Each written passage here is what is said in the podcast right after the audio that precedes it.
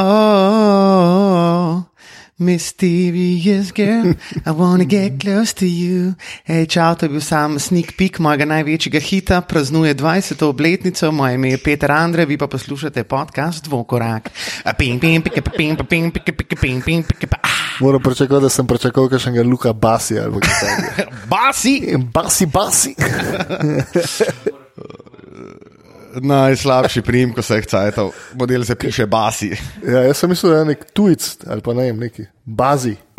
Ja, ne vem, v vsakem primeru, um, tudi mi dva stejo, imamo eno, uh, eno šalo in sicer, ko greš na stranišče, na dvojko, greš v, greš v Basiland. A, že. Ja, in teja, že, že na oknu. In, Sej nisem rekel, da greš ti na basile. Ja, ne, okay. dekleta, kot vse kaže, ne hodijo na stranišče na številko dve. V vsakem primeru, dobrodošli v 31. epizodi podcasta Dvokorak, Tilen Lamut, Matija Kosmač, Lukaš Tucin in Reči. Reži. Um, a je on največji, ki je nosil številko 31, a ima tam mo mogoče še kakšno idejo, kdo je nosil? Glenn Robinson, ne, ne. ne, ne. In se kar sam zmenil. Ne vem, ne, po mojem, da ne. No. Za moje pojme ne. Reži, največ pred vsemi. En zanimiv uh, prispevek smo zadnjič gledali, ja. Ja. zakaj reči. V bistvu ni bil nikoli kao superstar, mislim, da smo tudi ene par besed o tem rekli, ne? ampak je res, da kao statistika, pa predvsem uh, uh, predstave v playoffu govorijo, da mogoče pa temu res ni tako. Ne? Da, Matija, ti si bil, uh, mislim, da kar tak zagret zagovornik tega, ne? da se v bistvu kar strinjaš tem, s tem, da je on mogoče najboljši igralec, ki ni bil nikoli superzvezdnik v ligi.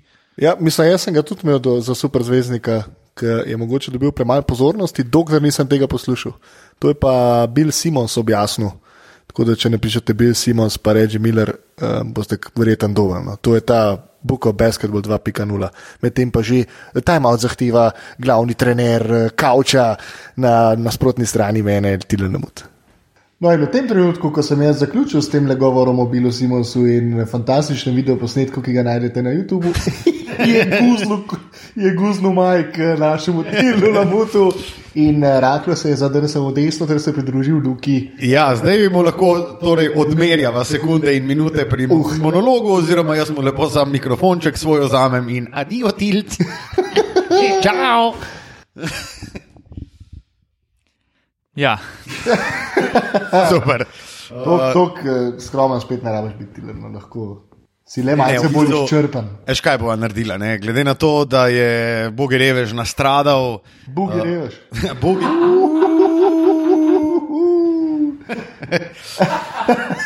Uh, glede na to, da je nastradal, mu dava recimo istočnico za hate kotiček, da on odpre ta zdaj že tradicionalni uh, del oddaje, uh, s katerim uh, venomer pospremimo začetek in burne razprave, tilen kar izvoli. Mislim, da se vsi lastniki mikrofonov strinjamo. Soglasno. Kot da ti le kar izvoliš. najlepša hvala. No. Mikrofon je zaenkrat za tvoj. Ja. Uh, v glavnem, v bistvu imam dva hejta, ampak to mislim, je hejt, ker ne razumem najbolj teh stvari, ki se dogajajo, je pa hkrati to mogoče tudi dobra istočnica za nadaljno debato in wine take. In sicer začel bom z Arjayom Beretom, ki je levičar in meče z levo roko, ampak je model prijavil pred kratkim, da on v resnici je desničar in ima lepši izmet, oziroma shooting form, kot se je on izrazil z desno roko, ampak vseeno bo metal z levo. Mislim, če pa to mi lahko kdo pojasni, da je nekdo desničar, pa ima dejansko izdelan met z desno roko, pa meče z levo, pa ni znan kot nek full dober šuter ali pa nekdo, ki mu bi zaupal šut, zakaj pa se siliš metati z levo? A ti je vzornik Michael Red? Mislim, ne vem, to je isto uh, ambidextroza, ali kako bi se te, to prevedlo. Ne? V slovenščini je pravilen izraz za ambidextrous, je obojeročen. No, eh, ta obo, pojav obojeročnosti ni tako redek v NBA, se mi zdi. No, vse je ne par igralcev, za katere vemo. Uh, s tem, ko jaz imam težavo s Tristanom Thompsonom, recimo, ki ima isti problem, tudi z Arjem Beretom nimam težav. Mislim, z Benom Simonsom jo, jo imam lahko, če zdaj očitno mečeš grozen z levo, pa dos me, dos, dokazano, da bolj mečeš z desno. Um, Tle nimam težav, ampak zdaj meni se ta izraz zdi kar neki na roko, na srce. No, sej, pač- zakaj? Zakaj, zakaj to sploh govoriš? Ne, mogoče sam se hotel pohvaliti, z obema rokama meče. Ne, ne štekam te izjave. Mislim, To, da ima štekam, on lepo formo meta z desno, še ne pomeni, da je boljši šuter. jaz ne štekam zakaj, pol, če, zakaj to govoriš, pa se pač odloči, s katero roko boš metal, pa dele, da boš zadeval zuno eno roko, pač s katero mečeš. Ne? To pa bo moja dela. Ne? Zato Ja. ja. pravim. Močno upam. A grem zdaj še na drugega. Tole je pa uh, v bistvu pojav, ki se je, do katerega je prišlo, zdaj, ko je uh, začel svojo uvodno sezono v Ligi NBA Zion Williamson. Oh, In Mislil sem, da si to odprl, sem te hotel že mečkati. Andrej. mojster je, igra full dobro, precej boljše, kot pa sem pričakoval, da bo. Pa mogoče celo, ok, zdaj je odigral 13 tekem, kar že mogoče lahko govorimo o nekem, ni zdaj, da je v enem dan, da je tri tekme dobro odigral, ampak on za moje pojme ne more biti rookie of the year, kamor ga že ogromno ljudi uvršča. Ne moreš ti kar naenkrat zanemariti 51 hudo odigranih tekem od Ža Morenta, pa Zajona dati pred njega, zaradi tega, ker je pač 13 tekem odigral dobro. Če Zajon vse tekme do konca leta odigra, pa sem prepričan, da jih ne bo, pride do, mislim, da 38 ali nekaj takega. Kje je, zakaj, po kakšni logiki je on zdaj pred Žajem? Pa ajde, da bi bila ta razlika med njima grozna, ampak lej, Zajon poprečje na 13 tekmah, 23 točk, Ža do zdaj na 51, 17,6. V skokih Zajon 7, Ža 3, v asistencah Zajon 2 asistenci, Ža 6,8, gremo reči 7. V ukradenih žogah Ža 0,9, Zajon 0,7, bla bla bla, blokade niso take velike razlike. Jaz neč ne rečem, če bi Zajon zdaj imel 30, pa da bi jih res pokal, pa bi imel eno noro sezono, tudi v 38 tekmah, pa nihče ne pride blizu. Ampak žal je prerodil v končni fazi Memphis, on se z njimi bori za playoff, v končni fazi je na 8. mestu v playoffu. Odkje je zdaj ta taka nadvlada Zajona? Ja, jaz bi rekel samo zato, ker v tej sezoni nismo niti malo poslušali o tem, kdo bo Rookie of the Year, ni se govorili o rukih, razen o Džaju Morantu. Uh, tako na nacionalni sceni, oziroma je samo Morant bil tisti, ki je bil vedno prisoten v mainstream medijih, v teh športnih ESPN, Bleacher, Ringer in tako naprej. Ostali so bili pa v bistvu predstavljeni bolj kot ne z negativno kom, konotacijo in pač Folki tak prav, da je to bila ena slabših generacij v zadnjem uh, desetletju. In pač ja, valjda nekdo kot je Zajan, ki je bil prvi pik, ko, ki pride nazaj po poškodbi. Enostavno moraš ti zgodbe pisati, ker se ne bojo same naredile in za nje v bistvu prišel v pravem trenutku, lik za to, da oni pa zdaj lahko pismo, ampak a ni 13 tekem v bistvu čist dovolj velik vzorc, da mi vidimo, da v bistvu zajan lahko tudi tekmuješ z Džajem Morantom. Ne, jaz bi imel pravilo, če ti ne odigraš vsaj polovice tekem v sezoni, če ne celo tri četrt ali pa ok. Malo pretiravam, ampak recimo 82, da jih vsaj 50 ne odigraš, pač ne moreš priti noter, oziroma nisi eligible, da sploh lahko tekmuješ za kjerkoli nagrado. Pa vse to je nepisano pravilo. V bistvu. Vsej, večina novinarjev ne glasuje za igralce v nobeni nagradi, če niso odigrali nekega števila tekem. Ne. Mislim, zdaj, če je pet kandidatov za pa, ja, sem, MVP odigrali v povprečju eh, 75 tekem, enih je odigral pa 48, ga bodo itak izločili. Mislim, jaz se strinjam, to je sam. To je isto, kot Trejak pa Luka Dončić. Na to ni čisto drugače. No, bi pa sem še eno stvar glede pomankanja rukijev. Ne? Pa imaš pa na vzhodu Kendrika Nana, pa njegove stece v sezoni 15,6 točke, 2,7 skoka, 3,5 asistence. Pa je bil na vzhodu vsak mesec do zdaj novinc meseca.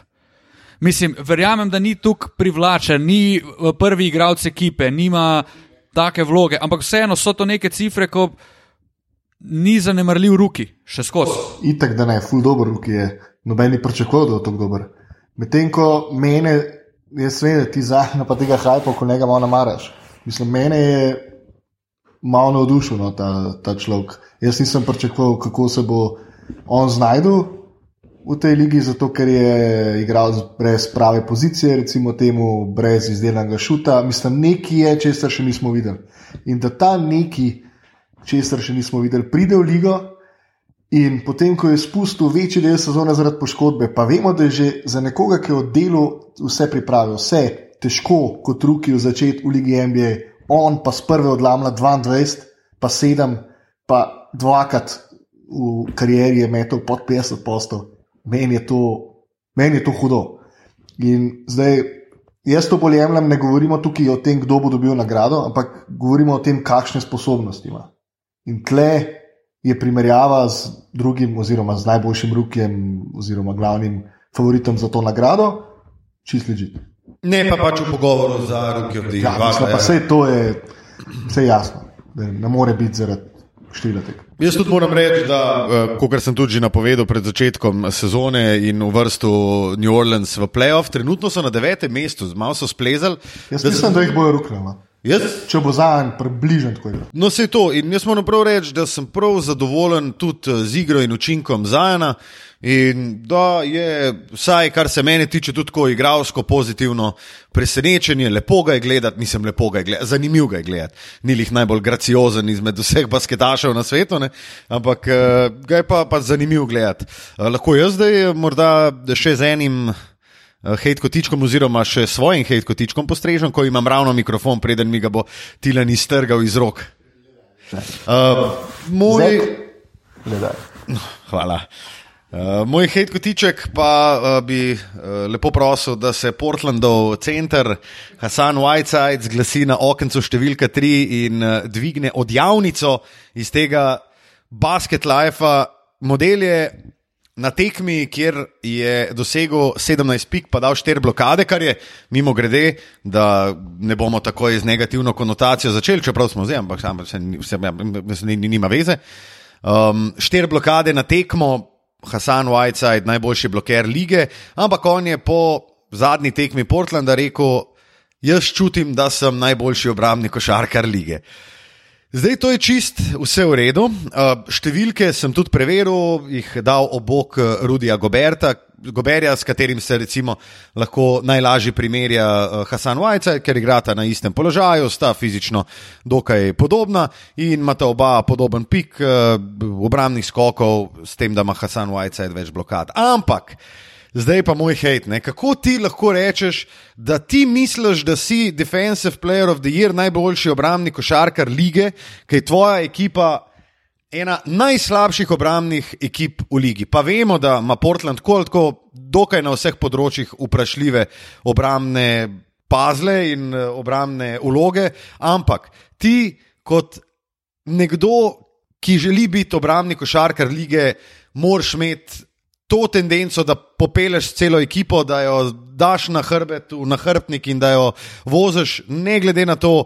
Um, kaj se dogaja, oziroma ti jih moraš pač v obrambi do te mere dvigati, da to deluje kot celota. Portland ima 27. defensive rating, 26. so po points allowed, po dovoljenih pikah. In ko bo Hasan, Hasan Whiteside na eni tekmi dobro obrano, tri četrt pick and rollov, ki jih igrajo, več ali manj vsi, ki ga targetirajo, ki je on na igrišču, pa bom pa jaz rekel, ok, Hasan, mogoče pa si zaslužiš to nagrado. Do tistega trenutka, ko pa on, ki švicarski ser, vsakič, ki bo, ki bo nasproten play imel žogo v roki, pa ki bo mogel prevzemati ali pa ne vem, pizda slipati eh, skup z unim, ki postavlja bloke, pa dejno, pizda, dej. Najprej se nauči brand pick and roll, pa pa govor, da si defensive player of the year. Uh, toliko. Za se on je bil nikoli nek uh, winning basketball player. Ne? On je vedno bil tak, že takoj, ko je eksplodiral na sceno, pa smo bili vsi, wow, odkje se je dozel. Je govoril o rejtingu, da ima prenizek rejting na tukaj ali nekaj takega. Mislim, se vidi, že tem človeku ni, malo mu je mar za uspeh kogarkoli drugega razen sebe. Pa če bi zdaj imel priložnost uh, wavati enega igralca, um, pri Blazersih brez kakršnih koli posledic, verjete, to Hasan Vajca, Zika. In ko mi čakajo, da pride Nerk nazaj, ker. Uh, sem grozen. Ja, mislim, da z Drkom bojo tudi v obrambi najboljši. Zato, ker pač Hasan je v bistvu un čisti klasični rim protektor, ampak čist nič drugega. Gober te dejansko prisil, da ti sploh ne povohaš rakete. Obenem dobro, imajo oni tudi na branilskih položajih dva, ki grizeta, pa kaj je težko prijeti skozi. Ampak dajmo pogledati, katere ekipe. Samo tri ekipe so za Portlandom v defensive ratingu in to so fantastične ekipe iz letošnje sezone: Atlanta Hawks, Cleveland Cavaliers in Washington Wizards. In ti boš fucking obrambni košarkar lige. S tem, da kar se tiče pa obrambe, treba pa posebno priznanje dati uh, Washingtonu. Ne? Ker so si pa sestavili ekipco, ki sem gledal zdaj en članek na Bleacher Reportu pred par dnevi, ki so objavili najslabše igralce na vsakem položaju po obrambnem rejtingu. Ne? In od petih igralcev so trije iz Washingtona, uh, ta Japonski, Brad Bill, Center. Hačimura, Ja, Rui je bil tudi. Bill, Pa ta center. No. pa kaj je ta center. Vse ne vem, o glavnem tri rupe, mislim, od vseh v ligi igralcev, najslabši, pa tri igrajo za isto ekipo. Iskrene čestitke. Washington pa tu- tudi dobiva po tekmi 120 kep. Jezus Krist. 120 pik ti moraš vsak, vsako tekmo gledati na semaforju od nasprotnikov. Ti moraš toliko enih košev videti, jaz bi bil tudi depresiven in to manično, če bi bil Bradley bil. Model je dal na zadnjih dveh tekmah 108 pik, kar je na zadnje Kobe O'Brien, tudi naj počiva v miru, uspel, ampak stari obe tekmi pa pušijona. Sama ne zdaj, Bradley Bill, ki tudi ni bil izbran na All-Star, pa ker so se vsi okoli njega malo bunili. Um, za niso te pike v bistvu postavljene tle en zelo zanimiv kontekst. Se pravi, ti si v boju za končnico, ne vem, so trenutno deveti ali so deseti, ampak mislim, da so deveti celo. Um, in moraš dati, se pravi, povprečje na tekmo 120 pik, da si konkurenčen, ne? in od tega jih Bradley Bill da 27 ali 28 ali koliko. A ni to zdaj malo postavljen kontekst, da tudi nasprotna ekipa verjetno reče, "Ma, naj jih nameče, se jih bomo mi tako dali 130. Sam meni, v bistvu, predvsem tem me najbolj moti to, da je zdaj Bradley Bill pa nezadovoljen, ker on daje po 50, pa kusor, oni pa zgubljajo tekme. Ja, model, kaj si pa ti mislil, da se bo zgodilo? Mislim, a ti si pa mislil, da ko boš podaljšal pogodbo za šest let, pa dobil 30 milijard dolarjev za to, da bo pa kaj, da bodo začeli pa resno graditi ekipo okrog tebe, pa iz čega? 50 pik, pa jadran, kako so. Um, ja, se popolnoma strinjam. Um, sploh ne, vem, če bi kaj do- dodajal. Mene par tweetov sem videl v zadnjem času, oziroma v bližini All-Star vikenda, da končno imamo All-Star nazaj. Fenomenalno je bilo, eh, ogromno nekih presežnikov. Um, eden izmed novinarjev, ki ga sicer, bi sicer kar dober, Kevin O'Connor je pa celo zapisal, da bi bilo smiselno razmisliti, da bi bil tak koncept eh, uporabljen tudi, uh, ko bo šlo za ta mid-season tournament, pa play-in tekme, pa tako furen. V glavnem, kar hočem povedati, vse je bilo v redu, All-Star tekma, sam dejmo so bili še vedno je to All-Star tekma in še vedno je tri ure od štirih nezanimiva in še vedno je vse narejen. Takrat, ko so igralci zbrani in teh 12 si bo lahko na Wikipediji prepisali, da so imeli en ali pa dva ali pa 16 all-star nastopov in to je edina vrednost, ki jo to, ta dogodek ima. In prosim, dajmo ta all-star mečken. Jaz se s tem tako strinjam. Pa recimo eno vprašanje, a mi znata našteti zadnjih pet MVP-ov All-Star stekam? Ne, ker nas boli kura za All-Star stekme. hvala, ker si z jezika sem vzel. Ma, mogoče, veš, kaj je edina prednost, mislim, prednost tega All-Stara je to, da imaš enkrat na sezono vse največje zvezdnike basketa na enem mestu zbrane. Mogoče je celo napaka to, da mi še skozi, ki si želimo, da bi bila ta tekma napeta, pa izenačena, pa da bi se dober basket špilal. Ne? In pa vsi hajpamo to, da ja, pa ni, bilo, ni bila kompetitiv tekma, ni bilo prave konkurenčnosti itd. Na zdravje, panda. Hvala ti, Len. Če bi se, če bi se enostavno sprijaznili, da ta All-Star tekma ni, ima nobene tekmovalne vrednosti in da pridejo fanti tam in se to besedno štiri četrtine podajajo, pa je to nek showtime, slam dunk, uh, three-point shootout, uh, skills challenge v kao resni tekmi, pa je to to. Ne pa, da se skozi pretvarjamo, kako čmo, ne vem, da se bodo oni grebli za vsako žogo, pa metali na zove, pač se ne bodo. Dajmo se sprijazniti, imamo tam 24 najboljših ljudi, ki igrajo basket na zemlji, dajmo se tega veseliti, oni se pridejo malo pokazati, koliko je dolg čas, gremo domov. Zato me fully všeč Lukatov pristop k vsem tem tekmom. Le, kar ima dober respekt, zato ker pač tudi on je, da pač to je ena tekma, na kateri se jaz nočem poškodovati in niti se noče neki izpostavljati in moj čist fajn, sam da je tam pa se malo zabava. Ejo, izade, izade, izade. Mislim, da smo s hate kotičkom končali. Smo, uh, na hitro bomo pogledali še um, komentarje na Apple Podcast, ki nam jih ustrajno in zelo pridno in zelo simpatično pošiljate. Hvaležni smo za vsakega in vsakega se res uh, razveselimo. Uh, zdaj le bomo, bomo pa takle šli. Kak je naslov tega komentarja, uh, ki ga je prispeval uporabnik z imenom Hojenk. Hojenk. Hojenk, hojenk, nekaj tasga. Tedenski podcast bi bil iz praktičnega vidika lažji, ker drugač zmeri gledamo, ali je že dva tedna ali šele en teden od prejšnjega podcasta. Uh, hvala, Hojenk, ampak mislim, da bomo vsaj do končnice, tako kot smo že ničkoliko krat rekli, ostali na uh, dvotedenski frekvenci. Um, največji šefi, Franki si, je napisal torej v naslov komentarja največji šefi, potem pa nadaljuje tega lajfa. Odlični in dobro pripravljeni strokovnjaki košarke. Mislim, da je tole mičkom pretirano. Uh, strokovnjaki košarke, ki podatke stresajo iz rokava. Delate najboljši podcast, ki ga z užitkom poslušam od prve epizode dalje. Hvala, Franki, si, uh, ki pa je še zapisal tole. Pes je navdušen, da lahko na vsake 14 dni hodi na uro dolge sprehode z modelom, ki se smeji sam pri sebi. Me ne bi motilo, če bi bili daljši, kapo dol.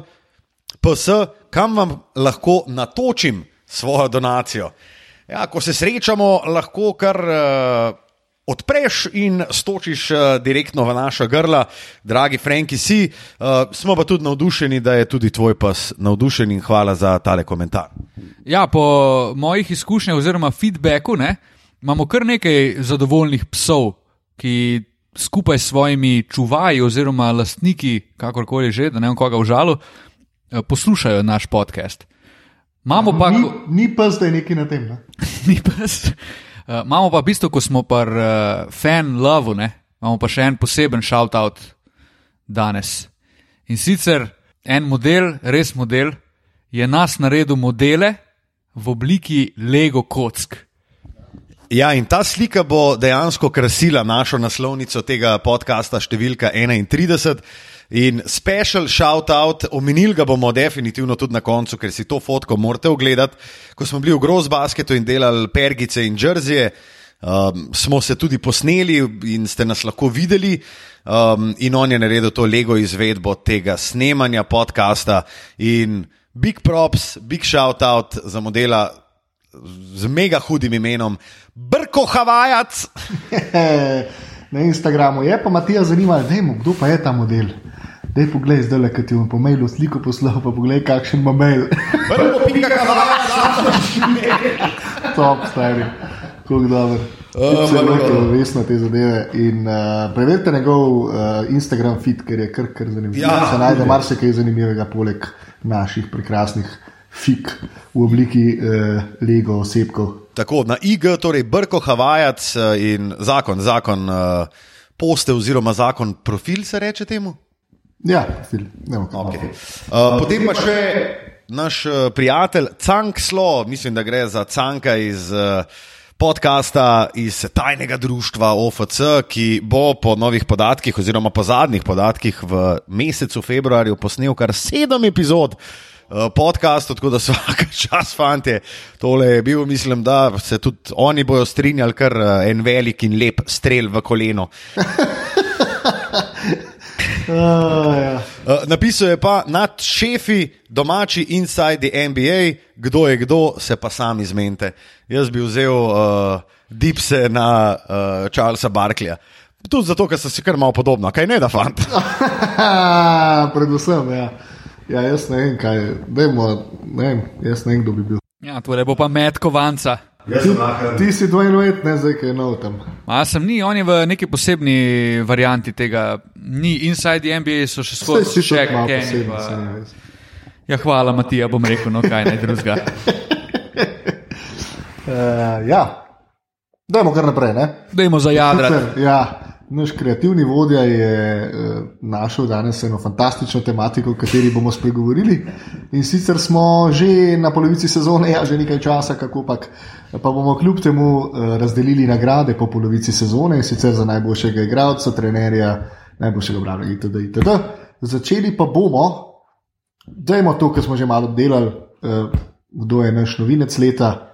Mislim, da tukaj ne bi smel biti velike debate in bo to nagrado, če se ta trenutek ne poškoduje in ne odigra ene tekme do konca sezone, zagotovo svoj žamorant. Ža, ža, ža, ža, ža. Zasluženo. Mislim, da lahko gremo kar naprej.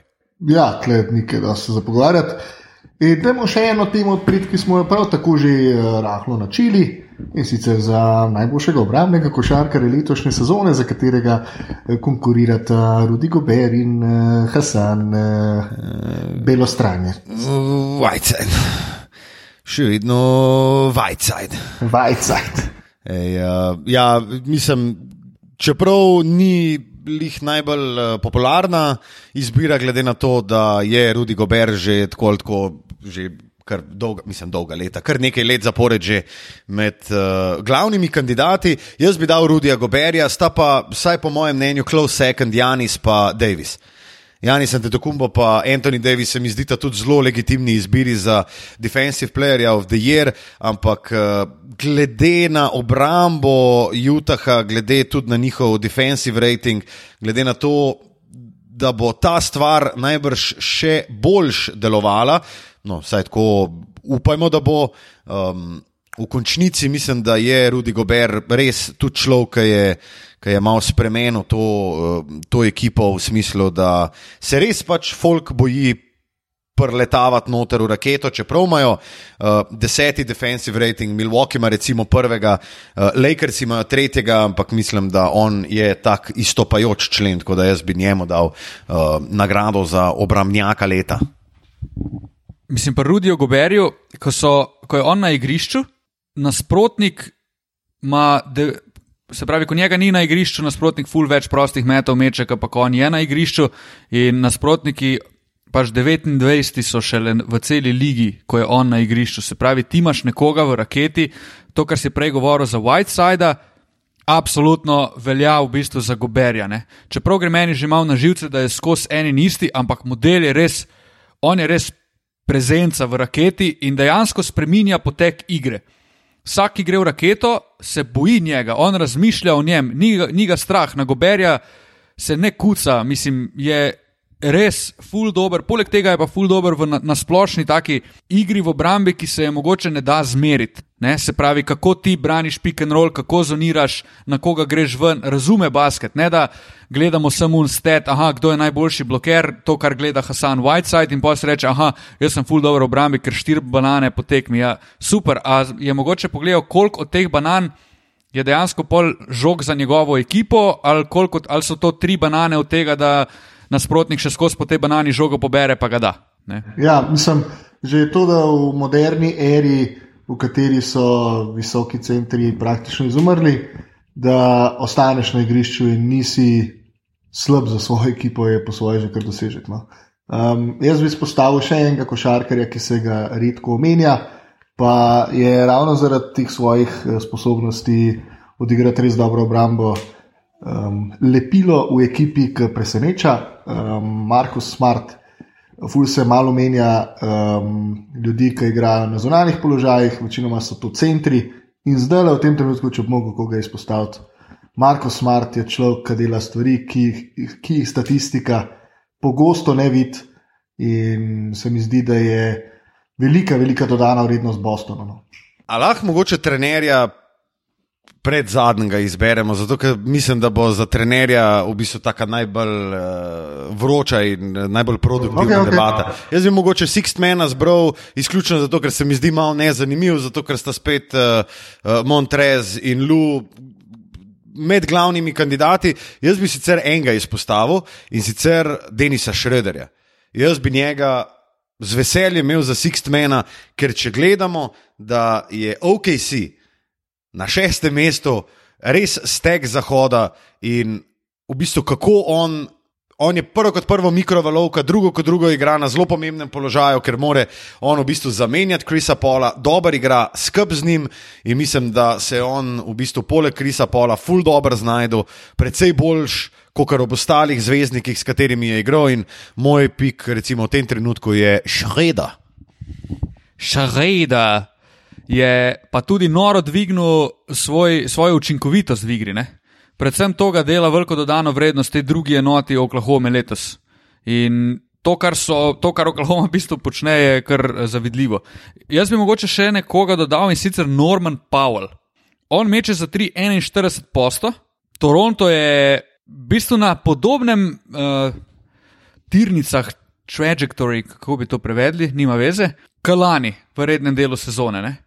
In imajo tako homogeno ekipo, in Norman Powell definitivno je tudi tukaj. Bi pa omenil še Gorana Dragiča. Sicer absolutno subjektivno mnenje, ampak gole je res, res. Uh, Fantastično se znašel v tej svoji vlogi, da prihaja s klopi, Miami igra full dobro in mislim, da si vsaj nek honorable mention zasluži, kljub temu, da verjamem, da na koncu sezone, ko se bo pač glasovalo, bodo tu te klasiki Schroeder, Harrell, Williams, sigurno uvrščeni pred Goge. Jaz bi še enega izpostavil iz, uh, mislim, spet je leta debata, ali je odigral dosti tekem ali ne. Ampak uh, Jordan Clarkson je Juta dvignil na en viš, eno višjo raven. No.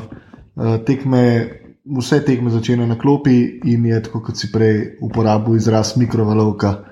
Um, in končno, mislim, ful sem vesel, on, on se mi zdel igral s potencialom in končno je najdel sredino, v kateri ta potencial malo kaže. In on mi je, če bo tako igral, kot igra do konca sezone, zagoti, zagotivo. Zagotovo. Top 3 izbirano. To je še en zelo uh, zanimiv in zelo simpatičen izbor, moram reči, Matija, da uh, danes pa zares razmišljaš uh, izven škatle, outside of the box. Okay, uh, gremo na most improved playerja. Mislim, da smo si kle kar malo složni, kdo bi to lahko bil, tudi zaradi afinitete, ki uh, jo imamo do tega moštva. Ampak mislim, da Bam Bam, Bam Bam je jebeno, jebemo odličen letos. Res je napredoval in vsaj po mojem mnenju je naredil največji skok. Um, tudi zaradi tega, ker Miami zaradi njega igra dobro, zato ker on je kar naenkrat rato v bistvu drugi najpomembnejši člen moštva, um, ki ima toliko nekih pisov in da v bistvu iz tazga moštva, kjer naj bi imel um, recimo enako kvalitetne košarkarje z enim zvezdnikom, v bistvu to, ki stopaš, moraš res narediti korak naprej. Bi pa omenil še dva, dve častni omembi. Ena bo zelo taka. Um, hecna, no, za vaju. Ampak jaz mislim, da je eden izmed uh, most improved, je Brandon Ingram, kar koli rečemo. Kokorkoli nam gre ta, ta crackhead na kurac, ampak res je. Brandon Ingram je res naredil korak naprej. Odkar je, odkar je prebolel svojo Los Angelesko izgorelost, je fantastičen. Pa jaz bi dodal še Freda Van Vlieta. Frederico! wow! Ja, ta je moj, ta je moj izbor. Pa ste videli to Drake, ki se je Ja, ja, rekel, ja, ja. koliko je bilo to dobro. Star. Frederico! Frederico Van Vliet in pa recimo še ena častna omemba, pa mislim, da ni nič narobe, če rečemo, da je tudi eden izmed uh, igralcev, ki je najbolj napredoval, Luka Dončić. Je, pa tudi Pascal Sijakam. no, evo, pa jih imamo. Okay. Kaj? Jaz imam, strinjam se z Debajom, strinjam se tudi s tem, da je Ingram, na- Ingram napredoval, strinjam se z Luko. Frederico! Frederico! Ja, Drugače, dame in gospodje, do Frederika Van Flita je imel v začetku sezone Lukaš Tocin Ja. ja. ogromno, ogromno afinitet. In uh, celo neka stavica je padla, kakšen bo njegov strelski učinek na prvih petih tekmah, potem ko je fantastično odigral uvodno srečanje v letošnjo sezono. Uh, Luka je stavil na nj, padel na tej stavi in od takrat naprej se tako rekoč o tem možakarju do današnjega dne ne pogovarjamo. Kar se tiče eh, tega most improved, ne, edino kar mene, zakaj bi jaz dal naprimer Bemu, ne pa Ingramu ali pa Donketu. Zato, ker si fan Miami. Kaj? Ne. ah, good one, good one. Zaradi tega, ker ful imam rad te igralce, to, kar si ti izpostavil, da nekdo, na, rad imam, ko nekdo, na katerega ti ne računaš, ko sploh ni bil mišljen nikdar, da bo tak zvezdnik, da bo postal toliko dober, začne toliko harat po ligi. To je meni noro, to je sicer ful subjektivna stvar, ne? Ampak, če gledamo nek ta medijski pomp, okrog katerih igralcev sedel, naprimer Brendan Ingram, on je bil v Lakersih namenjen k temu, da bo povzdignil v bistvu Lakerse, ne? nekako potem prevzel tudi po, po Kobiju in bil glavni igralec v Lakersih, pa se je pol pač razvilo vse skupaj malo drugače. Razumem, da ima ful boljšo sezono, pa da je naprimer tudi ful ne zgublja toliko žog, kljub temu, da je usage rate uh, višji itd., ampak mi je glih zaradi tega favorit, naprimer Bam, pa to vrstni igravci, zaradi tega, ker niso nikdar bili mišljeni v tem krogu ljudi, pa so v bistvu ratali res hudi, pa letos je bil All Star.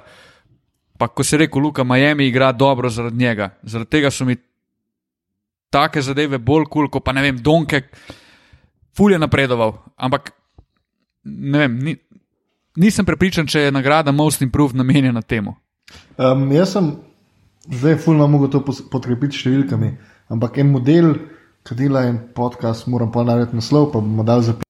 Ful, ful, statistično, metodično loteva tega uh, problema Most Improved Player. In on je prišel po nekih svojih statističnih podatkih, ki so noro komplicirani, do podatka, da je Luka z naskokom Ja. najbolj improved player. Z naskokom. Tudi zaradi učinka, ki ga ima na ekipo in tako naprej. Ne, se to v bistvu, kakorkoli pogledaš, je res. ne. Um, in jaz se tudi ne bom čudil, če bo mogoče Luka dobil naziv Most Improved, zato ker on bo vsem najbrž do konca sezone v top 5. V pogovoru tudi za MVP-ja, in ponavadi, mislim, doskrat se je že zgodil, da Unka je bil, vem, top 3 za MVP-ja in mogel vseeno eno nagradico, recimo, dobiti za Most Improved ali pa za Best Defensive Playerja in tako naprej. Ne. In jaz mislim, da bi znal Luka celo dobiti eh, za Most Improved. No. Um, Jaz, bi še, jaz še zmeraj mislim, da je Ben prvi kandidat. mislim, Ravno zaradi teh zgodb, ker te zgodbe, ki je prej Tilan omenil, imajo tudi novinari zelo radi. no. človek dosega sedem pik več na tekmo, tri skoke Govoriš več o- na tekmo. O, govoriš o kom? obema Adebaju.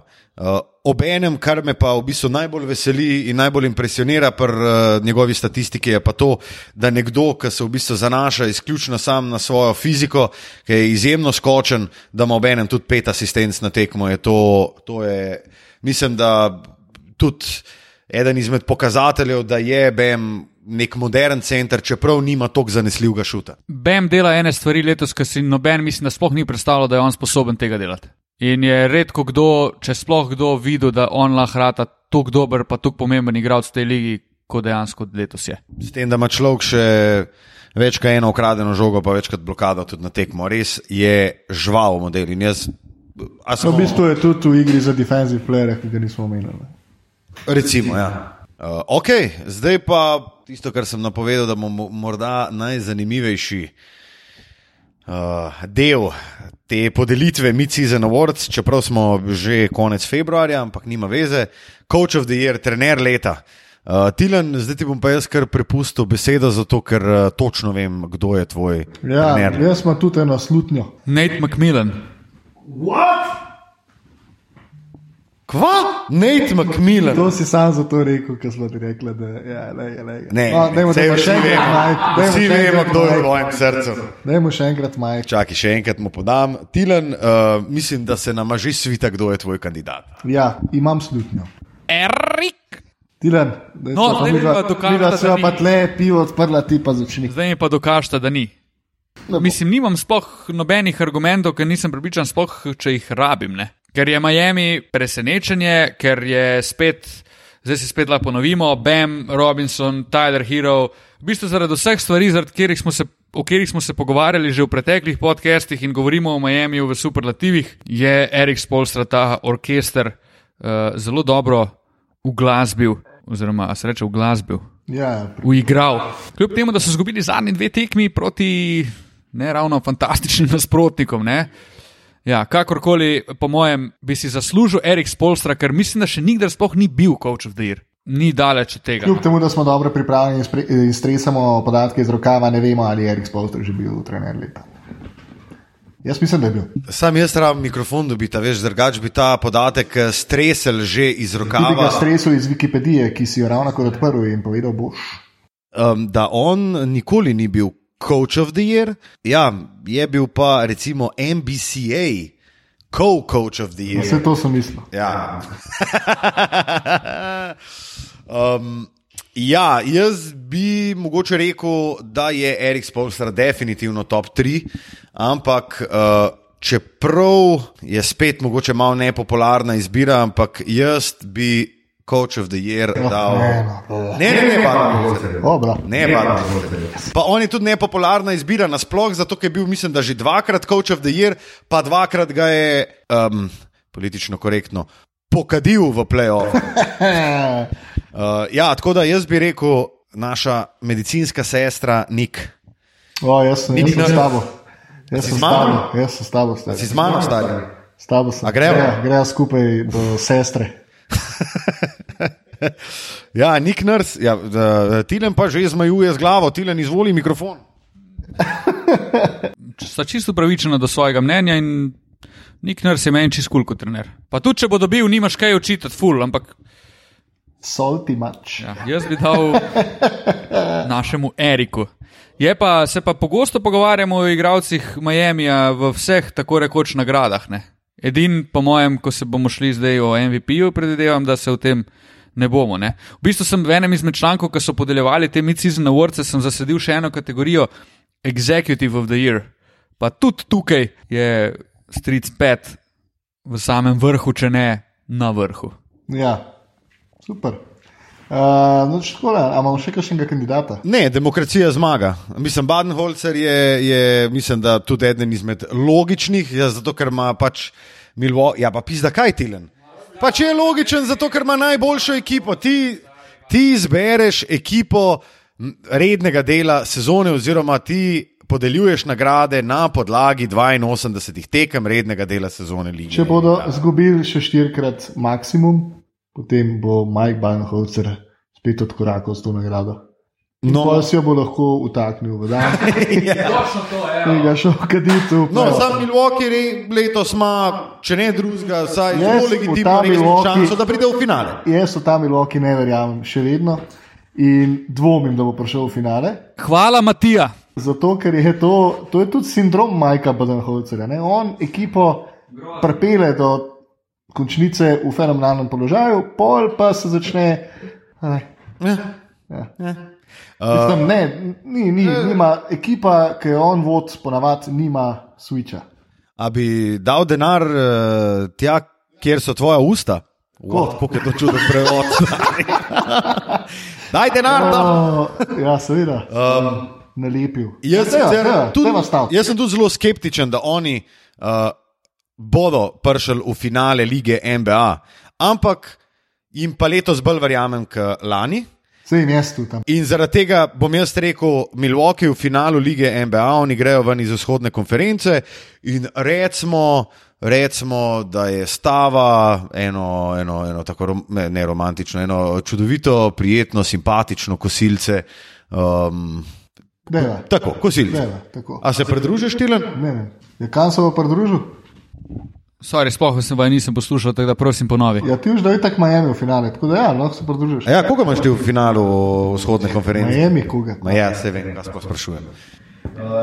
Miami, Miami v finale, Bema Debajo, Most Improved, Bema Debajo, Defensive Player of the Year, Six Man, Goran Dragič, Erik Spolstra, Coach of the Year. Uh, executive, executive of the year Pat Riley, sam MVP-ja nimamo, to je to. Miami Hara. Mislim, to zato nima MVP-ja, ker je Tiller realen in dejansko nima MVP-ja. Prove me wrong. Nimamo tega časa. Ajaj. Uh, dobro, še zadnja zadeva, ki pa mislim, da jo bomo zelo hitro uh, naskočili in uh, potem tudi zapustili, in to je MVP. Jani, sem te tako pohvalil, ker ste nas poslušali. Lepo zdrav do prihodnjič, najdete nas. Mislim, tole je pa tak uh, runaway MVP. Je, mislim, tle se pa nimamo kaj za pogovarjati. No. In tudi Tilen, ki sicer gleda v svoj telefon in ni pri stvari. In išče možnosti, kako bi Jimmy Butler prišel do MVP nazaj. Recimo, recimo. Ja, Janis in mislim, da se do konca sezone ne bo nič spremenilo. Predno se odjavimo, ne? A imamo še, mislim, jaz tudi mislim, Janis bo pač MVP in glede na to, kako igra, tu sploh ni nobene debate, ker eh, Lebron je mogoče v igri, pa je pač zraven Davis, pa na trenutke ne moreš reči, da je clear cut favorite ali pa kakorkoli je v tem pogovoru še Davis pol. Luka je tukaj, ampak je malo poškodovan, da nas ni tako visoko, poleg tega pa pač Janis je čist nerealen. Ampak upam, po eni strani si zaradi Janisa želim, da letos Milwaukee pride v finale, ker drugač gre on gladko po poti stari Majka ja, ja. Baden-Holzerja. Ja, ja. Ker bo kri, Janis, bo, Janis bo lahko vsako leto MVP, ker pač on skozi igra na puno, pa pa prije v playoff, tu mora pa zdaj on počasi dokazati, da lahko dejansko pride do finala. Ne? Mislim, jaz sem letos gledal tekmo s Filadelfijo, Milwaukee, Filadelfija, Filadelfija, ki je slaba, mimo grede, mislim, slabše, kot smo pričakovali. In so Janisa odklopili iz naprav, pač noč ni mogel. Sam zabil sem mu na raketo, ja. malo zgrešil dva šuta, padla mu je samo zavest. Eh. On je še skozi načeloma full omejen igralec. Ja, je pa res neki, ne. Ful govorimo o tem njegovem šutu, meče pa 31 posto, Luka Dončić pa 32. Ja, ja, ja. To sem pa jih hotel reči, da ga mogoče malo pri tem podcenjujemo. No. Ga, ampak fora je, da on te trojke, ki jih meče, jih meče iz čist drugačnih situacij in je v bistvu te šute prisiljen jih ne jemlje po lastni. Razumem, pa tudi v playoffu bodo te šuti še bolj pod pritiskom, pa mogo jih bo zadeti. In še klej je pač ta komponenta, no, prost. Ne, hotel sem sem dodati, da naprimer Janisa niti pod točko razno ne krijejo tako agresivno na, na perimetru, kot pa Lukata, zdaj ko si da oglih to primerjavo. Ne? In zdaj, če ti daš tukaj proste, proste šute za tri, Lukatu verjamem, da bo njegov procent dost višji kot pa od Janisa. Ne? Janis v bistvu je skozi sam, pa meče 30 posto. Ne? Luka pa nikoli v lifeu ni sam, pa meče 32 posto. No, če smo pa koga spustili v kateri koli kategoriji, pa vas pozivam, da vaše ideje zapišete na eh, naša socialna mreža v komentar, kamorkoli pač že. Aha, zdaj imate pa fanta, ki ste izbrskali. Pa dajmo. Uh, v bistvu Tilen je izbrskal, uh, kar ti v bistvu povej, teh pet kandidatov, jih bomo zelo na hitro uh, pokomentirali, kdo so, uh, kateri so landing spoti za uh, najbolj zanimive buyout kandidate v sezoni. In sicer, mislim, da je ESPN ali pa Bleacher Report, nima veze. Uh, je objavil seznam petih igralcev, ki so najver, mislim, najverjetneje možnosti, da bodo odplačani strani svoje ekipe in s tem postali free agenti in s tem na voljo ekipam, da se z njimi ukrepijo pred začetkom playoffa. Naprimer. Zdaj pa jaz bom prebral ime, pa vidva, kar povejte, kam bi tega modela kam bi pasal, kdo bi si ga poželel. Pa gremo reči, da itek za vse velja, da so prvi favoriti Lakersi, ker bodo podpisali vse, kar leze in gre. In kar že niso podpisali. Ja. Kent Bazemore, ki gre iz Sakramenta, mislim, gre, je velika možnost, da bo šel. Kdo hoče Kenta Bazemora? Ne vem, če, če, ne, če je veliko. Filadelfija? Ajde, recimo. Sam mi pozabljamo, da je Kent Bazemore v bistvu zelo povprečen šoter, da v bistvu ja, Filadelfija tudi klene bo prišel neki full pro. Ne, teč ne imaš. Ja, točno to. Naslednji Tilen? Wayne Ellington? On gre prej v Fili. On gre prej v Fili, zato ker je pri Miami bil je on eden najboljših streljcev za tri točke, ene dve sezonine in mislim, da je on prej za Fili, uh, v Lakersih ga pa ne vidim prej, recimo v Clippersih, vidim kot v Lakersih. No. Pa nadaljujemo z naslednjim kandidatom, Maurice Harkles iz New Yorka. Um, ne vem, mogoče Houston Rockets, zato ker rabijo čim več krilnih košarkarjev na svetu. Ne vem, ali pa. Um, popolnijo svoj roster z nekaj nizkimi, oziroma krilnimi. Ja, oziroma centri, oziroma uh, Indijana. Mogoče. Zanimivo. Naprimer, ta spletna stran je pod možnost dala Toronto, seveda Lakers in pa Utah. Četrti, Tristan Thompson. Portland, recimo. Ne. Boston. Stari Bostonu bi prav prišel en težnjak. Mogoče, mogoče Boston. Čeprav meni se zdi, da so oni kar zadovoljni s uh, trenutnim izborom. Daniel Tajs, prva petka. Pa en iskant, mislim, da Tajs igra zelo dobro. Tajs igra ful dobro. No, ta spletna stran je dodala Boston, LA Clippers ali Dallas. Ja, Dallas, če ne bi tega kolja stajna prepeljali, bi tudi jaz rekel, tako pa spet malce nekaj dvoma prisotnega. Ja, mislim, ja, mogoče, mogoče je Dallas, zato ker bojo rabili čim več teles do konca, do konca rednega dela. In pa še zadnji, Evan Turner, Ja, Memphis. Luka. Jaz bi šel spet na Matkotovo, Houstonovo filozofijo. Pač. Še en krilni košarkar, sicer zelo izkušen, zna podelati v obrambi, da ima ga polo Houston, kurc. Sam ne šutira, stari. Pomembna komponenta. ja, komponenta ja. No, in Houston je tudi v uh, izboru treh ekip, kamor bi kao najbolj pasal, poleg Bostona in pa Brooklyna. Ej, Ah, čak nekaj moram pogledati, ma ne pozabi. wow. Uh, odličen intermezzo za uh, naslednji del oddaje, ki ga bomo, kot eh, ste zdaj že tradicionalno vajeni, torej od uh, izpred eh, dveh tednov iz prejšnje oddaje. In sicer eh, tokrat bomo za skrit!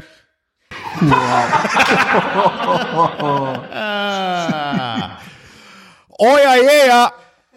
Še dobro, da ti le ne imajo telefona v rokah. Tole vaju je pa definitivno presenetilo, zatresla so se vrata. In, uh, jaz bom prebral samo en naslov, ki mi ga je moja tejka poslala, ki je tudi redna prebiralka eh, fantastičnih revij, kot so uh, Jana, Suzi, Zvezde, Nova in tako naprej. Ne, se, se hecam. Ampak sva pa dejansko v Suzi zasledila. En naslov, um, sicer boste takoj vedeli, zakaj se gre, in sicer govori se o Jordanu Morganu, naslov pa se glasi: Lepotec, ki je zamenjal Tončka. Ohoho! Ej, če pa še, jaz ne morem tega Tončka, stari unk, Antonijo Randolfu reče: tonč, Tonček naj si naredi sendvič z žiletkami, stari. Wow. Ej, to mi, ne, to, to pa ne Dej, dej, povej še ta nov predlog za Morgana. Imamo Tudi, je bil tudi že slišati. O, ja. Jadran, ne? Jadran, Morgan. Stari, zakaj čutimo to potrebo po. Čeprav Jadran je boljš, je boljš kot Tonček, to moramo, to moramo priznati, ampak stari, kva je to ne pizda? Veš, kako te reko gleda? Kaj je Tonček pizda, už kakšno dava, už sam gledu? Oh, ja, hudo. Ma meni je tole z Jadranom kar konkretno slabo. Ja, je no. kar nekaj. Pač to je, pa dej, dejmo mir. Pa človeku je ime Jordan Morgan, dejmo ga klicati. Vsaj, ajde, Jordan, če bo to bolj slovensko, ampak plis ne Jadran Morgan. Uh, a ima mogoče še kdo kakšno specialiteto, ki jo je zasledil na, na omrežjih in uh, tako naprej? Počakaj, sam da se, se, se slišim šupko tam, šupko požen. Skrit! Kako dobro. Ja, v bistvu sem jaz zasledil en članek v enem izmed slovenskih medijev z naslovom, neposredno povezan z ligo NBA, ko neka. V bistvu se še zdaj ne morem odločiti, ali je to neka kritična ocena, ali je to uh, antropološki pristop, socialna, socialne težave po svetu na podlagi dogajanja v Ligi NBA, ampak kakorkoli že, naslov Črni panteri proti vietnamski vojni, danes instant NBA zvezdništvo. Oh, shit. Um, ne bomo zamerali, če si tole prevrtite nazaj in še enkrat poslušate naslov in se vprašate, kva. Zelo zanimivo je, če kdo recimo, se zatipka pa napiše ne vem, neki NBA, vietnamska vojna, recimo v Google. A, se neki zatipka, pa mu pa ta članek da vam, pa mu neč ni jasen. Uh, Matija, si morda ti uh, kakšno opazil ali jo boš prihranil za naslednjič? Ma, v bistvu je nisem. No. Uh, kaj pa vem, vedno, kot. Danes sem ravno s tem namenom, da najdem nekaj gradiva odprl naš edini športni časopis oziroma spletno stran letega. In vsak, ki berem te naslove, se mi malo usta bruhano. A so skrit? A ti dam enega? No, da mi enega. No. Ti dam enega. Lahko lahko- še obrazložim, kaj to je, zato ker okay. tak suspenz, da brez veze. Dalas v nestrpnem pričakovanju. Poglejte, kaj že čez dva dni čaka Luko Dončiča. Kaj ga pa čaka? Ja, vidiš, ja, suspenz, stari. Je pa Stari, sam, če, kaj, cela, cela liga, cela Amerika je na nogah ali kaj? stari. Um, tudi na uradnem Instagram profilu Dallas Maverick so, so zapisali, da že komaj čakajo na petek. Ja, razlog je enostaven in preprost. Kva pa je? Takrat rojstni dan praznuje njihov prvi zvezdnik, ponos Slovenije, Luka Dončić. In to ravno na tekmo z Miami, ne? uh. Bo imel rojstni dan. Ajnun cvanci, kakva?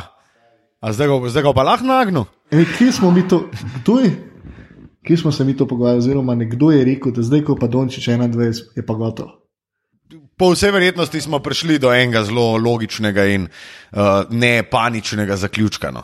Ja, se da se bo Luka v Texasu bo odbil vrata, tako kot v starem westernu, in sosedu za šanki in odlomil 16 viskev. Howdy, partner. Howdy, partner. In to je to, njegova karijera, zenit je dosegel v svojo evropsko stari. Ampak Amerika je pa na nogah. Euroligo, ja, Amerika pa ko mi čaka še dva dni, ja, pa vejo, da se ga tip zapil. Skrit! Uh, naj si bodi to vse za 31. epizodo podcasta Dvokorak. Najdete nas na vseh družabnih omrežjih. Uh, predvsem pa smo zadnje čase aktivni, aktivni na Instagramu in Twitterju, tako da nas tam pofollowajte. In še neki, pripravlja se največji live v zgodovini človeštva, največji live podcast, Tomič, Pižama, Nahbar, Godler se lahko skrijejo, ker to, kar bomo pa mi naredili, to, kar bomo pa mi naredili, bo pa štala, stari, bo pa sam balans, bo pa sam pokal, stari. Ne, to bo pa res dobro, tako da. Um, Obeta se tudi posebna družba iz obale. V obliki, in to ne v Ne, ne, v obliki ljudi, ampak v Homo obliki, sapiensa, v obliki, ne v obliki Homo sapiens, ampak v obliki infrastrukture. tako, infrastruktura. je, bo, O, ja, ja, Luka, o tem bomo pa enkrat, ko se bodo naši poslušalci, ki si bojo rekli, oh, kaj ste pa s tem mislili, na kaj ste pa ciljali. Takrat bo pa mi dva stilom urisala sliko. Lej, prvo kot prvo, sploh ni bila tako nemogoča ideja, mogoče nisem pomislil, da ta zadeva. Ne, da ni bila ne mogoče, še vedno je ne mogoče. No, no, mogoče, mogoče pa ne. Kaj pa, če, kaj pa če so betonski bloki pod odrom? Sej ne veš, sej ne veš. Uh, v vsakem primeru. Takole z nevednostjo se poslavljamo od vas, Matija Kosmač, Tile Lamut in Luka Štucin. Do naslednjič, čez 14 dni, čez dva tedna, ko bomo imeli kaj pametnejšega za govoriti, se zopet slišimo. Čau, čau. Arrivederci. Adijo. Ni imel. Ne.